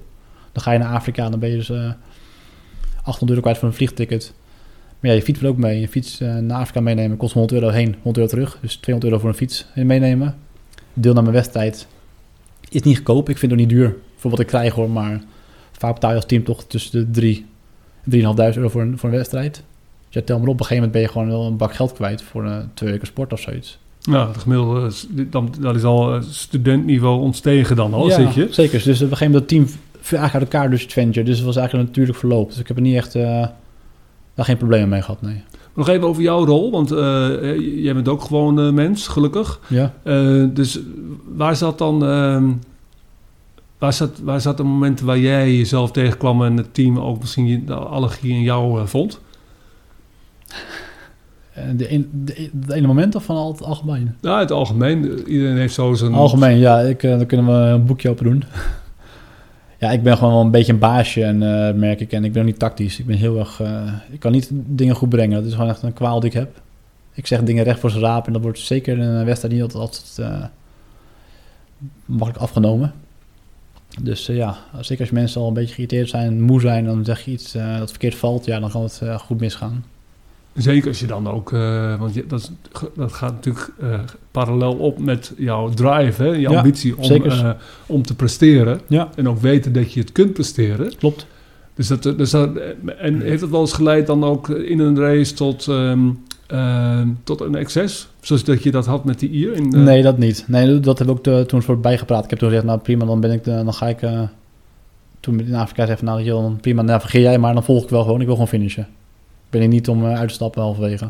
Maar jij leert dus ook jezelf heel goed kennen door deze sport. Ja, ja, zeker. Ja. Dus eh, het- je leert jezelf heel goed kennen. En dat helpt je denk ik heel veel plekken ook wel. Hoe heeft het jou geholpen dan? Ja, ik weet gewoon dat ik mentaal eh, vrij sterk ben. eh doorzettingsvermogen heb. Ik eh, laat me niet zo snel tegenzitten door een klein dingetje. En ik weet, en ik weet dat alles aan het einde komt. Het klinkt heel, misschien heel hard. Maar ja, zes, zeven uur lijden komt gewoon voor in deze sport, helaas. Ik heb in 2013 meegedaan aan een, ook een WK in Costa Rica.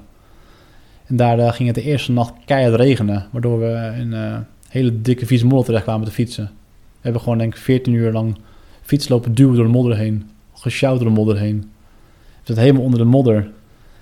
En dan denk ik, betaal je voor, dat doe ik voor mijn lol. En dan moet je gewoon... eh, ja, ik denk niet dat ik gewoon... ik denk gewoon dat ik me sterker gemaakt heeft in heel veel dingen. Ik denk dat zeker eh, de huidige maatschappij veel mensen eh, verwend worden... en makkelijk dingen consumeren, op, op- opgeven en gewoon ja, door, doorgaan met het anders. En ik heb wel geleerd om door te gaan, doorzettingsvermogen. En ja, je weet dat het gewoon ja, hoe zeg je dat? eh suck it up en ga doorgaan. En, het is, en het gaat, en er, komt een eind aan. Tuurlijk, Kun je, altijd, zelf ja. blijven, en kun je ook altijd blijven volhouden? Of eh, zijn er ook momenten dan, want je noemt nu even bijvoorbeeld even tussen neus en lippen door. Hè? Costa Rica is ook weer even een wereldkampioenschap. Hè? Dat is wel even goed te weten Ja. voor de luisteraar. Die was in 2013. Ja. Volgens mij is nog steeds jouw profielfoto op Facebook een van de mooiste profielfoto's van iemand eh, überhaupt. En die is volgens mij ook daar gemaakt, klopt Ja, dat? klopt. hè? En, maar maar ehm, Costa Rica, eh, en dan kom je jezelf tegen, maar kom je dan ook wel eens in een zone waar je jezelf zo sneu vindt dat je niet meer kunt denken van, goh, het gaat wel over. Eh, nee, eigenlijk niet. Je weet dat eh, heb ik nog niet meegemaakt in het wezen. Ik heb wel afgelopen jaar in de spine heb ik een heel diep, diep, diep punt gehad. Ik kom misschien later nog terecht. Waarvan ik wel dacht van ja, dit is het niet. Ehm, maar je moet niet vergeten, ik, ik word niet voor betaald. Ik betaal er zelfs voor, ik doe het voor mijn lol. En dat is altijd voor mij een soort drijfveer waarin ik ja, ja ik, ik ben niet voor alleen voor mezelf, voor niemand anders. En ehm, ja, ik moet er gewoon mee stoppen als ik het niet meer wil. Maar op dat moment, ik heb er zelf voor gekozen, laat ik maar gewoon doorgaan. En eigenlijk komt altijd, als de zon weer opkomt, wat ik je vertelde, wordt het vaak weer een mooie dag weer. Dan heb je hele gave ervaringen. En Costa Rica lijkt me het ook wel, ook wel heel mooi als de zon weer opkomt. Costa Rica was geweldig, maar ook heel, eh, heel erg eh, gemeen en brutal. Waarom, wat maakt hem gemeen en brutal? Eh, ja, de eerste die modder. Dat was echt... eh, de, de vijf topteams hadden dat blijkbaar een stuk gehad. eh, met droge omgeving. Maar de andere vijftig teams hebben er echt allemaal nog steeds nachtmerries van. En een, een dag later hebben we, hadden we een mangrove kano-etappe. En dat is ook echt... als je terugvraagt naar wat mensen... Ja, nog, daarna nog, nog, nachtmerries bedenkt... Die worden altijd genoemd de afgelopen tien jaar nog steeds. Dat was een kano-etappe in de mangrove. Waar je maar... eh, twee, drie uur tijd had om een checkpoint te vinden. Want anders zat je weer of in hoogwater of laagwater. En met hoogwater kan je gewoon... Het is elke boom door kano die je wil. Er zijn dan geen rivieren meer, dus heb je niks in je kaart meer. En met laagwater, als je het verkeerde punt zit, zit je gewoon helemaal vast. Dan zit je gewoon tussen twee meter hoge wortels.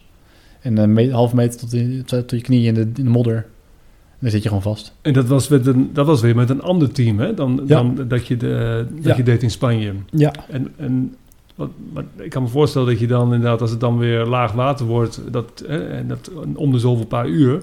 Want het klinkt niet alsof je dat in zes uur even hebt eh, afgewikkeld. Nee, nee, wij hebben er iets van denk ik 30 uur vastgezeten. En wij hebben echt een deel overgeslagen. We hebben op een gegeven moment hebben we de laatste eh, 7, 8 uur hebben we tegen een rivier ingekanoot.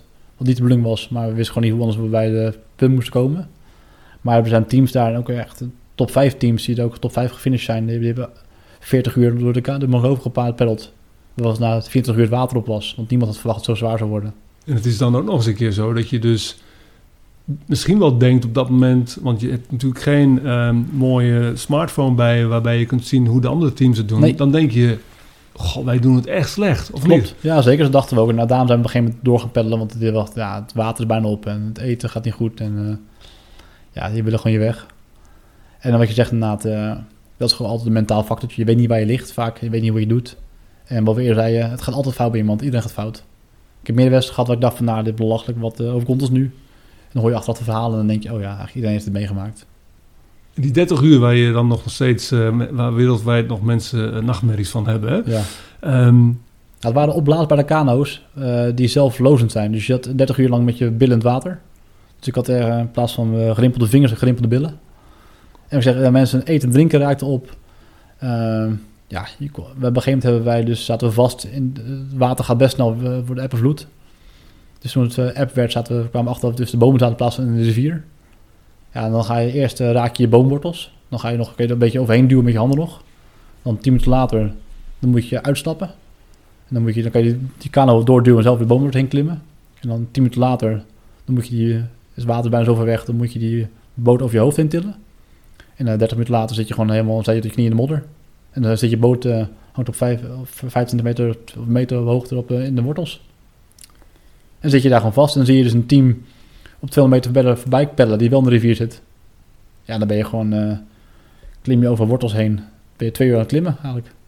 en wat, wat, wat gebeurt er dan uh, onderling in zo'n team dan op zo'n moment? Ik kan me Op voorstellen... dat moment was iedereen zelf gekeerd. We hadden gewoon een doel, moesten 200 meter die kant op gaan. Moeten daar die boot in het water gooien. Iedereen zat in zijn eigen bubbel. Ja, dan, uh, dan praat je niet meer. En is er dan ook iemand in zo'n team die dan de boel weer juist weer weet op te vrolijken? Soms wel, soms niet. Op dat moment volgens mij niet. Je kunt me niet op die manier herinneren. Nee, en dat wat je zegt inderdaad ook heel belangrijk. Je hebt het over de navigator gehad. Maar een teamcaptain heb je ook uh, nodig. Heb je een mule nodig. Mensen die meer dragen, maar ook een motivator. En dat is toch vaak een een vrouwentaak die toch de team bij elkaar houdt. Het team gelukkig houdt, happy houdt. Dat klinkt wel heel erg, uh, zeg je dat weer, uh, ja, taak aanwijzen. Maar toch doen vaak de vrouwen dat. Die toch een beetje het, het uh, team bij elkaar houden. En dat is heel belangrijk. Ja, zeker, want het, het is natuurlijk toch al wat, uh, wat je dan uh, doorstaat met elkaar. Daar, het kan ook heel snel dus ook, begrijp ik, hè, het kan ook echt de andere kant op gaan. Ja, zeker. Ja. Heb je wel eens teams op, om je heen zien omvallen, om, of zelf als team omgevallen, omdat het gewoon echt niet meer ging met elkaar? Ik heb het niet echt gezien, maar je hoort het wel vaak genoeg. Je bent eh, allemaal op een andere plek van het parcours bezig, en met je eigen team.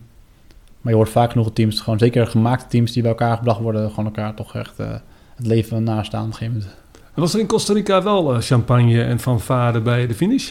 Dit keer, in plaats van uh, in tegenstelling tot Spanje? Of was het een lege, Voor mij krijg ik een biertje, maar ik drink geen bier. nee, het was een hele mooie, eh, mooie finish. Het was, ehm, ondanks dat we het niet gehaald hebben, weer, wederom. We moesten na zeven dagen, was een negendaagse race, moesten we verplicht stoppen. Waardoor we ehm, de laatste halve dag een soort van nog mochten meedoen voor, voor spek en bonen. De laatste halve dag was nog eh, raften. En dan nog eh, ja, een dorp weer doorheen voor de finish. Dus ja, dan heb je toch, omdat je toch uitgehaald bent, hebben we de raft super gaaf hoor. Hele mooie ervaring. Maar je doet meer van, ja, ben, ben je het gein, je bent geen tempo aan het maken meer. Je bent gewoon aan het genieten van de omgeving. Want ja, je zit overal mooie vogels, eh apen in de bomen, Dus we hebben gewoon echt een halve dag eigenlijk meer gewoon eh, casual geraft. En toen kwamen we inderdaad in het dorp aan. Toen moesten we de raft aan de kant gooien. En dan mochten we nog eh, twee kilometer door het dorp heen rennen. En dan kom je over de finish heen. Ja, we waren daar mooi op tijd inderdaad. Dus eh, een boog erbij. mooi overdag. Dus iedereen was aanwezig, alle andere teams. Ja, hele mooie ervaring. En dan is het ook zo dus dat je dus eh, gaandeweg eh, als team in de modus komt van... nou, oké, het gaat niet meer om de prestatie. Het gaat, we gaan gewoon genieten van wat we nog tegenkomen. Ja. En we gaan gewoon finishen en that's it. Zeker, op een gegeven moment weet je gewoon... ik- normaal die wordt niet betaald. Er zijn bijna geen prijzen te verdienen. Je alleen top 3 verdient wat leuk prijsje. Maar dat is ook... valt het niets. Dan moet je gewoon genieten. Ik bedoel... Het is een hele mooie omgeving. Hoe vaak kom je nou in Costa Rica? Hoe vaak zie je nou gekleurde vogels door de papegaaien vliegen? Want we zagen letterlijk gewoon van die rode ara's overvliegen. Die je normaal eh, in de diertuin ziet. Ja, hier hebben we spreeuwen en mussen. Wat je eigenlijk eh, doet als adventure race... is dat je in hele korte tijd... eigenlijk heel praktisch, maar een soort eh, lange, durige reis... propt in een, eh, Ja. in, in een kort eh, een goede week. omschrijving. Zeker voor de, de teams die eh, niet voor de prijzen meedoen en voor het lol meedoen, is dat een hele mooie om- omschrijving. Eh, onderaan de streep is het een hele goedkope wereldreis. Ja, dat zou ik niet zeggen. Even terug naar Europa, want eh, we, hebben zoveel te, je hebt zoveel te vertellen volgens mij. We kunnen volgens mij wel een programma alleen maar vullen over Costa Rica of één enkele race. Je ging weer terug naar Europa en drie jaar later ging je aan de Hearts Adventure Race meedoen. Dat is toevallig een race die ik dan eh, organiseerde. Toevallig had ik al een paar keer meegedaan hoor, maar dat was wel een heel, heel mooi jaar, 2016 jaar. Dat, waarom was 2016 een mooi jaar voor jou? In Costa Rica had ik al samen met een vriend van mij Wout gereisd. En dat ik al een paar keer eerder mee gereisd, andere wedstrijden. En Wout en ik hadden wel een, eh, een klik. Eh, we kennen elkaar ook al, ook al van de studentenalpclubs, daarvoor al daar niet van. Maar toen was het minder klimmen. Dat hadden we niet echt samen gedaan. Met Adventure Race vonden we elkaar wel. We hadden allebei, eh we denken wel wat meer ambitie. We hadden allebei wat meer kracht en ook allebei goed in navigeren. Dus we vonden elkaar wel heel erg. En toen eh hadden we besloten, nou, dan doen we samen mee aan de Harts. Voor mij was het toen nog een 40 uur editie, denk ik. Ja, die begon toen eh, volgens mij op, eh, net als in Polen. Dat was eigenlijk het Polen-model. Ja. Tien uur s'avonds starten en Ja. eh, dan heb je inderdaad tot zondag de tijd. Ja. Hij was helemaal heel goed voorbereid. Helemaal echt ook hard heen, getraind. speciaal heen getraind. Dat je toch gewoon een soort van... Ja, je al bewust uh, zorg je dat je dan op dat moment topfit bent. Ja, ik moet zeggen, de wedstrijd zelf kan ik niet helemaal snel terughalen meer. Maar het begon de eerste stap begon al met geloof ik een 30 kilometer run. Met, ook over de heuveltjes heen bij eh, Harts. En toen eh, ja, kwamen we jou tegen geloof ik al. Toen lagen we wel voor je schema al. Na 30 kilometer. Toen lagen ook voorop al. Ja, toen merkten we gewoon dat we allebei topfit waren. Allebei dezelfde neuzen dezelfde kant op stonden. We wilden gewoon winnen daar. En dat hebben we eigenlijk doorgezet. We hebben gewoon heel de wedstrijd gewoon eh, strak genavigeerd, strak gefietst. eh, gewoon bij elkaar gebleven. Gewoon een goede sfeer gehouden. Het echt, eigenlijk niet gekletst voor de lol, maar alleen maar puur bezig met wedstrijd geweest. Ja, en dat was gewoon een hele mooie, gave ervaring. We uiteindelijk gewoon zo strak die wedstrijd konden winnen in de 40 uur. En ik zei, ik had al heel veel wedstrijden gewonnen in Nederland. Maar dat was toch anders, omdat... eh, ja, het Nederlandse landschap is natuurlijk vlak. En ik had eh, al een paar keer meegedaan, ja, Westen Harts. En dan vaak was het dan eh, was het tiende of twaalfde. Omdat er ook gewoon buitenlandse teams afkwamen. Kwamen Pools teams op af, kwamen Denemarkse teams op af, Duitse teams op af, Engelse teams. Het was echt een internationale wedstrijd voor mijn gevoel. En ook een internationale duur, dus 40 uur. Ja, en als je dan zo'n wedstrijd weet te winnen. En ook dus buitenlandse teams die vorige keer ja, ver voor je stonden, opeens achter je laat. En dan denk je, god, ik ben tot de goede weg bezig. En dat was een hele mooie overwinning. Ja, ik zeg, en eigenlijk, het was wel misschien een Nederlands georganiseerd en heel veel Nederlands teams. Maar uiteindelijk was het voor mij een gevoel en ook eigenlijk een internationale wedstrijd. Ik hey, ik ben toch de goede weg bezig. Dus ja, daarom is het een van de mooie overwinningen die ik gedaan heb. Op de goede weg bezig naar... eh, Naar buitenland, ja. ja, want, je, Natuurlijk, want die, die, die, die buitenland, en Duitsland natuurlijk ook een buitenland, hè, ehm, die, die, bleef, die bleef trekken. Hè, om, eh, ja, nogmaals, het is gewoon een hele... Voor mij is het Adventure Race een avontuurlijke manier van een land ontdekken. is het eigenlijk heel vergelijkbaar, zo'n race als dat lekker loopt. Is dat niet een beetje hetzelfde als dat je ook gewoon in het normale leven... dat alles lekker loopt, dat alles eh, lukt... Hè, dat het ook blijft lukken, zeg maar. Dat je, dat je gewoon op die manier er doorheen eh Ja, zeker wel. Maar ook wat ik zei, adventure racing is gewoon... De, degene die de minste fouten maakt, wint. Vaak. Dus ja, het is gewoon... Je weet het voor dat je gaat fouten maken. En dan moet je ook gewoon accepteren. Als mensen perfectionistisch zijn... of gewoon echt niet kunnen hebben dat iemand fouten maakt... Ja, dan moet je het in deze sport niet gaan doen. Dan moet je gewoon lekker een eh hardloopkoertje volgen met pijlen. Dan kan je gewoon alleen maar doorlopen en alleen maar jezelf wijden. En racing ga je gewoon fouten maken. Dat is gewoon evident. Kan niet anders. Een jaar later, jouw derde wereldkampioenschap. Hè? Het, het- het is toch wel wat. Heel veel, heel veel eh, adventure race teams die zijn al blij als ze misschien ooit in hun leven één adventure, eh, wereldkampioenschap eh, doen. Jij staat al in 2017 sta je al aan jouw derde in Wyoming, Ja. Verenigde Staten. Je ging toen deelnemen aan een team waar je nog steeds mee race. Ja. Hè, dat is een gecombineerd team. Een, eh, een Engels-Zwitsers team. Hoe, Ja, toen vooral Zwitsers en nu is het inderdaad de combinatie Engels-Zwitsers. Hoe, hoe kwam je daar zo bij? Of hoe kwamen ze bij jou? Ja, dat is een eh, leuke. Ik had eigenlijk op een gegeven moment gezegd, ik ga geen WK's meer doen, want ik voelde op een gegeven moment een beetje opvulling in de WK's. Dus het kost net iets meer geld en het meer gedoe. Zei, ik alleen dan een WK met een goed team. En ik had het jaar toevallig, ehm, was ik overgegaan ook naar ultralopen. En ik had het jaar, ehm, begin van het jaar, een eh, wedstrijd eh, goed gelopen. Vierde geworden. Ja, vierde. En toen liep ik ook een, was zo motiverend dat ik ook een andere ultra ging lopen, Dragon's Back Race in Engeland. Dat is een eh, vijfdaagse eh, tocht over de gebergtes van Wales. En 300 eh, zoveel kilometer in vijf dagen. Echt wel een heftige wedstrijd. Maar daar deed je best wel veel goede adventures mee. Omdat toch wel, je moest eigenlijk zelf navigeren, het kaartenkompas. En eh, ja, gewoon een uitdagende wedstrijd. Maar het mooie was dat je elke keer na, de, na een dag lopen, kwam je in een grote mesttent, kon je samen eten, samen dingen doen.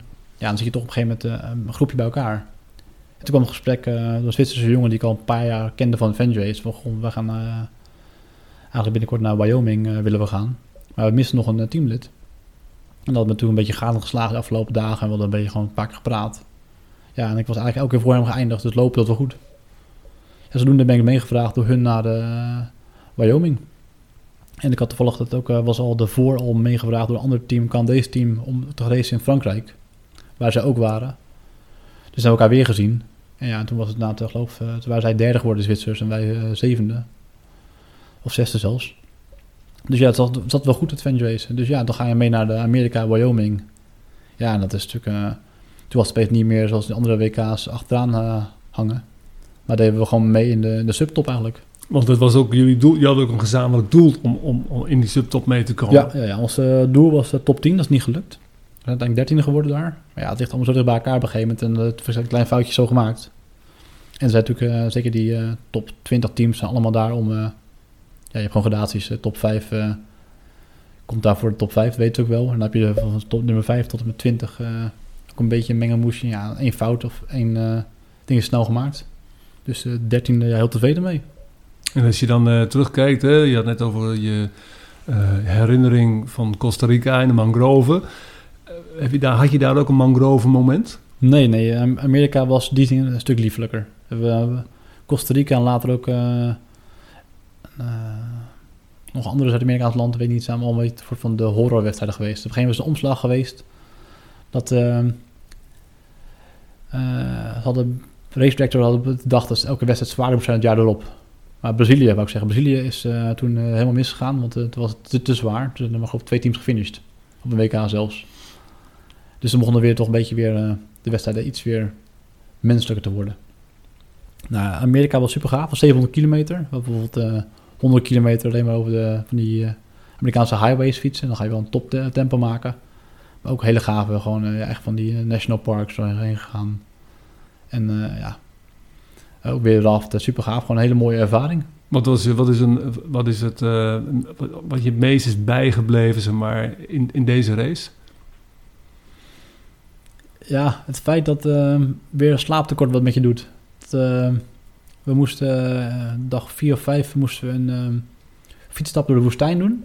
Een stone desert, dus niet de zandwoestijn, maar echt woestijn. Dat was gewoon niks. Dat was geloof iets van 130 kilometer. En we hadden al eerder een dode, rattlesnake, uh, ratelslang gezien. een gegeven moment kwamen we een levende raadslang tegen op het pad. Of in ieder geval in de woestijn. En dan eh, merk je slaaptekort echt eh, iets met je doet. We gingen met z'n vier omheen staan. Dacht, oh, gaaf. En op een gegeven moment denk je, ja, god, de beest kan nergens heen meer. We hebben geluk gehad dat we niet gebeten zijn, denk ik. Stonden echt, alle kanten stonden we gewoon omheen. Op een halve meter of meter afstand. Te kijken naar wat eh, leuk. eh, Je ratelt, grappig. Dus die waren allemaal tegelijkertijd op een Nou, punt. niet, niet, niet eh, weer goed aan het nadenken. Houd daar maar op. Dus we hebben wel geluk gehad dat het beest eh, laten, laten gaan. En even later, ehm nou, even een maatje wel graag. Die was helemaal kapot, die wou gaan slapen. Maar dat was gewoon helemaal niks. Het echt alleen maar steenwoestijn. Geen, geen, geen schaduw, niks. Dus die was helemaal, we moesten echt op inpraten van, we gaan niet liggen hier, want het is gewoon, we gaan overkoeken. Dat werkt gewoon niet. En toen kwamen we op een gegeven moment bij een eh, checkpoint aan. Er was dan ook inderdaad een eh, jeep midden in de woestijn met dan eh gespannen tentje. En zoiets van, eh ik voel 80 liter water als we voor alle teams meegenomen. Dus daar hebben we een halfje geslapen onder een zeiltje. En dat is gewoon heel indrukwekkend. Zo'n omgeving die hebben we gewoon hier niet. Wat dat betreft is het natuurlijk bijna kan het een redding zijn juist, hè, dat je met een team bent. Zeker. Want, want, want Mensen gaan rare dingen doen. Exact, dus je moet ook beschermd worden Ja. voor elkaar. Ja, zeker. Heb je wel eens eh, gehad dat je je ook eh, heel erg onveilig hebt gevoeld eh, door juist die elementen van de natuur die, eh die Niet element tornt? van de natuur, maar ik heb wel in Turkije, oftewel mijn Dutch Avenger nog. Daar we- hadden we een abzeil die gewoon niet veilig was. Daar hebben we op een gegeven moment de rescue gebeld en die zei van ja, goh, ik vind niet wat nodig. We zijn nou de touw is gebroken meneer. We hingen vaste touwen, die hingen er heel lang al blijkbaar in een canyon. En het Deense team dat voor ons was geweest, heb later gesproken, die het touw, was, was hun gebroken. Dus hadden van twee meter laatst is er eentje uitgegleden. was dan geen een 90 graden abzeil, maar dat was over een... eh 70, 80 graden, 70, 60 graden denk ik, abzeil over een eh, waterval. En er hingen gewoon vaste touwen, die hingen gewoon al een jaar of zo, of twee jaar in die waterval. Ja, het team vond had het team touw gebroken. En dan denk je wel, ja, organisatie heeft wel een bepaalde verantwoordelijkheid. Dus kunt wel de mooiste plekjes opzoeken, maar het moet wel veilig blijven. En daar hebben we toen, eh, ja, tot mijn rescue gebeld. Ja, dan zit het dus nog niet eens in de, in de nat- natuur, natuur- of weersomstandigheden. Hè? Dan zit het eigenlijk nog meer in een Ja. stukje or- organisatie en materiaal. Ja, qua natuur hebben we eigenlijk nooit onveilig gevoeld. Alleen, ik vind het wel heel fijn, zoals in, eh, Polen is het gewoon natuurlijk, je kan niet gaan liggen in de sneeuw. Kijk, het is een gematigd klimaat, is dan wel heel fijn als je gewoon ergens kan, eigenlijk als je rust nodig hebt, gaan, gaan liggen. We hebben in Tsjechië, op een gegeven moment hebben we anderhalf dag regen gehad. Waardoor we in een bos, we hadden we, dag ervoor in het bos zagen we overal. We dachten, nou, we gaan doortrekken, dat we s'nachts ergens een jagershutje tegenkomen en dan gaan we daar slapen. Maar het andere bos was blijkbaar verboden voor jagers. Toen hebben we heel de nacht moeten doorlopen. Ja, je lag gewoon, eh, het was gewoon denk ik 5 centimeter water. stond echt overal. Je kon nergens droog zijn. En dat was gewoon de- zo'n inschattingsfout misschien. En op een gegeven moment liepen we gewoon de laatste eh 6, 7 kilometer. Hebben we gewoon twee keer per uur gelopen. Als zombies, ja. Je wil niet gaan liggen, want dan laat je onderkoeld.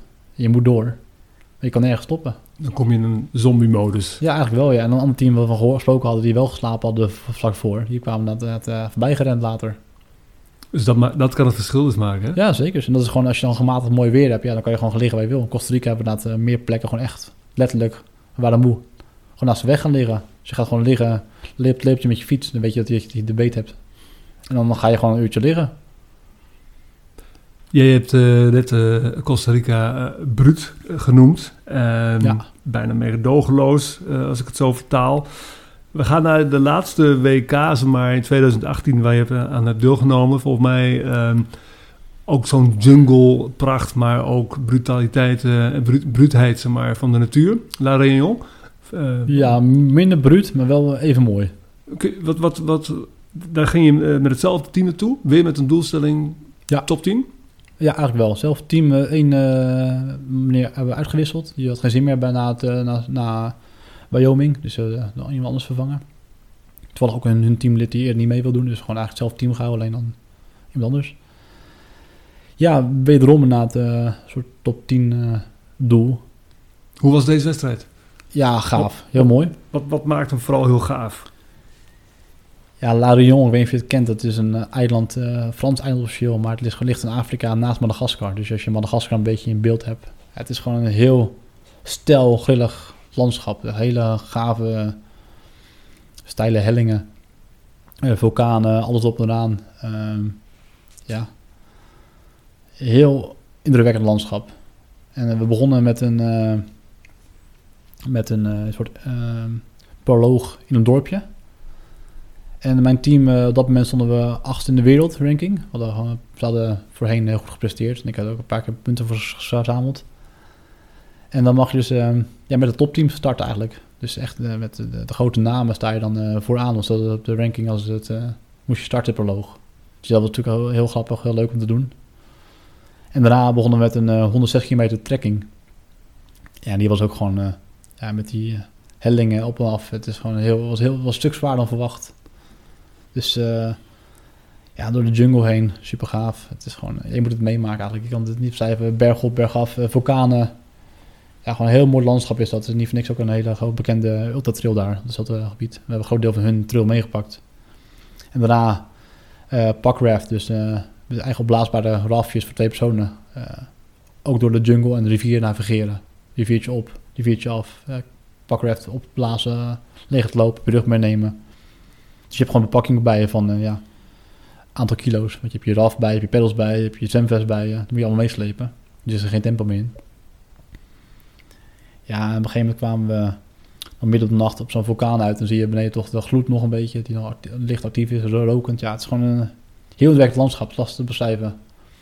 En dan ga je kano en hoor je eh, zie je later van die bordjes staan met uh, op haaien. Ja, het is allemaal, het is gewoon weer, het is niet zo lieflijk als Nederland. Het is grappig, hè? we hebben nu een, eh, ruim een uur met elkaar ge- gesproken. Eh, je, je schudt nog meer landen en races uit je mouw dan überhaupt op je cv staan. Ja. Eh, je hebt het over etappes van 100 kilometer, 160 kilometer, dit, eh, 30 uur dat even doen. Op een gegeven moment dan ga je ook, het wordt ook heel normaal voor jou. Ja. Alsof je het hebt over een half marathon lopen. Hè? Zo, zo zal de luisteraar het ervaren. Maar als je het heel goed op inzoomt, dan zijn het enorme, indrukwekkende, niet alleen prestaties, maar ook gewoon eh, avonturen die je meemaakt. Maar leuk je het aanstippen, dat merk ik nou wel. Ik heb gewoon mensen om me heen verzameld of kennis en vrienden waarbij het normaal wordt. Waardoor je zelf ook een beetje normaal begint te vinden.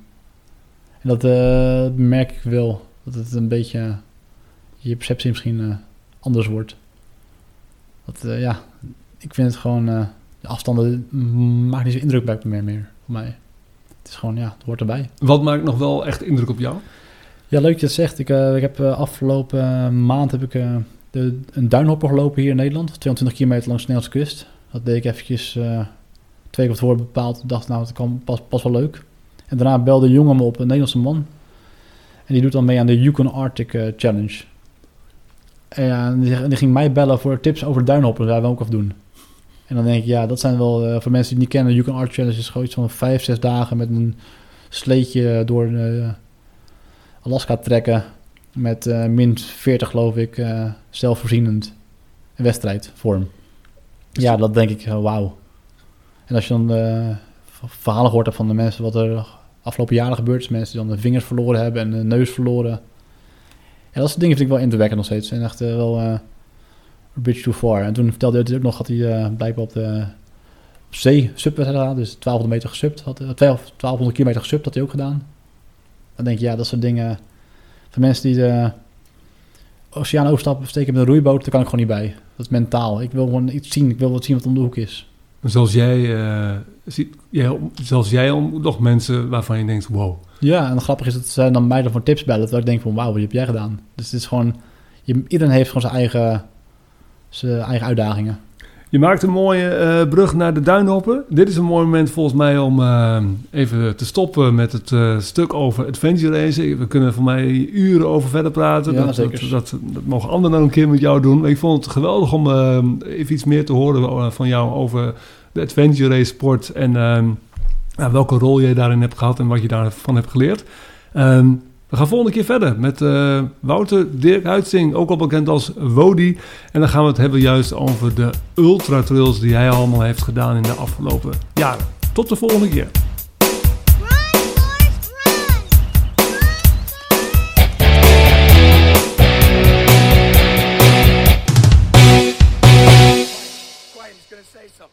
Think I'll go home now. Now what do?